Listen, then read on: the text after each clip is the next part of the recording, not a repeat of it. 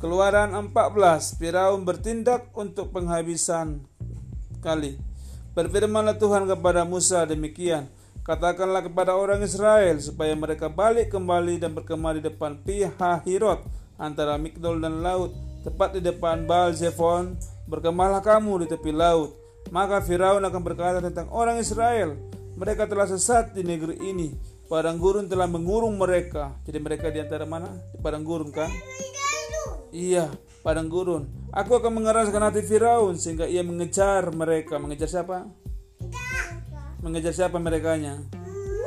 Orang Israel. Iya, orang Iya, orang Israel. Kemudian dan terhadap Firaun dan seluruh pasukannya, aku akan menyatakan kemuliaanku sehingga orang Mesir mengetahui bahwa akulah Tuhan. Lalu mereka berbuat demikian. Ketika diberitahukan kepada raja Mesir bahwa bangsa itu telah lari, maka berubahlah hati Firaun dan pegawai-pegawainya terhadap bangsa itu dan berkatalah mereka, apakah yang telah kita perbuat ini? bahwa kita telah membiarkan orang Israel pergi dari perbudakan kita. Kemudian ia memasang keretanya dan membawa rakyatnya. Kemudian ia membawa 600 kereta yang terpilih. Segala kereta Mesir masing-masing lengkap dengan perwiranya. Demikianlah Tuhan mengeraskan hati Firaun, raja Mesir itu, sehingga ia mengejar orang Israel. Tapi orang Israel berjalan terus dipimpin oleh tangan yang dinaikkan. Adapun orang Mesir segala kuda, kereta Firaun, orang berkuda, pasukannya mengejar mereka mencapai mereka pada waktu mereka berkemah di tepi laut dekat Pihai Hirot depan Baal Jevon. Ketika Firaun telah dekat, orang Israel menoleh. Wah, maka tampak orang Mesir bergerak menyusul mereka. Lalu sangat ketakutan orang Israel dan mereka berseru-seru sama Tuhan dan mereka berkata kepada Musa, "Apakah karena tidak ada kuburan di Mesir, maka engkau membawa kami mati di padang gurun ini, Musa?" Apakah yang kau perbuat ini terhadap kami dengan membawa kami keluar dari Mesir? Bilang mereka. Bukankah ini telah kami katakan kepadamu di Mesir? Jangan mengganggu kami. Biarlah kami bekerja pada orang-orang Mesir. Sebab lebih baik bagi kami untuk bekerja pada orang Mesir daripada mati di padang gurun ini. Jadi mereka bersungut-sungut. Siapa yang bersungut-sungut? Orang Israel. Tapi berkatalah Musa kepada bangsa itu. Iya.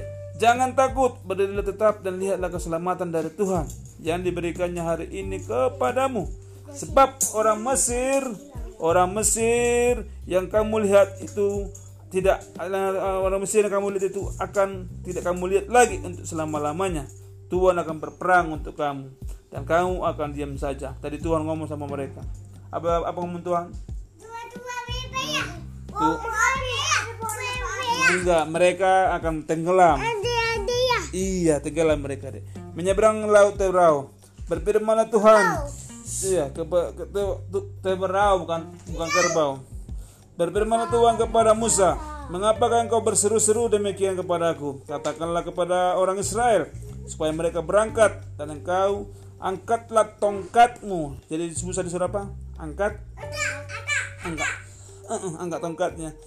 Angkat tongkatmu dan ulurkan tanganmu ke atas laut dan berjalan dan belalah airnya sehingga orang Israel akan berjalan dari tengah-tengah laut di tempat kering.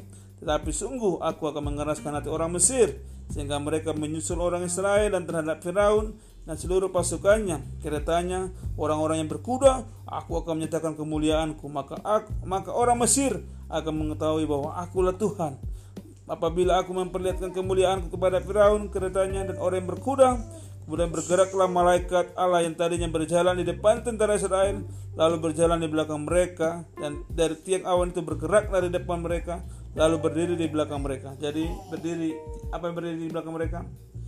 Tiang api. Demikianlah tiang itu berdiri di antara orang Mesir dan tentara orang Israel. Orang oleh karena awan itu menimbulkan kegelapan, maka malam itu lewat sehingga yang satu tidak dapat mendekati yang lain. Semalam-malaman itu lalu Musa mengulurkan tangannya ke atas laut. Semalam-malaman itu Tuhan menguapkan air laut dengan perantaran angin timur yang keras membuat laut itu menjadi telah tanah kering. Maka terbelahlah air itu. Apa yang terbelah? Air laut, lautnya terbelah. Kemudian demikianlah orang Israel berjalan dari tengah-tengah laut di tempat kering sedang di kiri dan di kanan mereka itu ada tembok sebagai tembok bagi mereka. Orang Mesir mengejar dan menyusul mereka. Segala kota, segala kuda Firaun keretanya dan orang berkuda sampai ke tengah-tengah laut dan pada waktu jaga pagi Tuhan yang ada di dalam tiang api dan awan itu memandang kepada tentara orang Mesir. Lalu dikacaukannya tentara orang Mesir itu. Ia membuat roda keretanya berjalan miring dan maju dengan berat sehingga orang Mesir berkata, Ayo mari kita tinggalkan orang Israel. Sebab Tuhan yang berperang untuk mereka melawan Mesir Berfirman Tuhan kepada Musa Ulurkan tanganmu ke atas laut Supaya air berbalik meliputi orang Mesir Meliputi mereka Meliputi kereta mereka dan orang-orang mereka yang berkuda.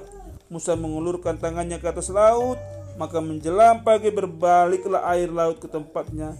Sedang orang Mesir itu menuju air itu Demikianlah Tuhan mencampakkan orang Mesir ke tengah-tengah laut Jangan tengah mereka mati tengah-tengah tengah-tengah laut. Berbaliklah segala air itu lalu menutupi kereta dan orang berkuda dan seluruh pasukan Firaun yang telah menyusul orang Israel itu ke laut. Seorang pun tidak ada yang tinggal dari mereka. Tapi orang Israel berjalan di tempat kering di tengah-tengah laut. Sedang di kiri di kanan mereka air itu sebagai tembok bagi mereka. Demikianlah pada hari Tuhan menyelamatkan orang Israel dari tangan orang Mesir dan orang Mesir melihat dan orang Israel melihat orang Mesir itu mati terhantar di pantai laut. Ketika dilihat oleh orang Israel betapa besar perbuatan dilakukan Tuhan terhadap orang Mesir, maka takutlah bangsa itu kepada Tuhan dan mereka percaya kepada Tuhan dan kepada Musa hambanya itu. Amin.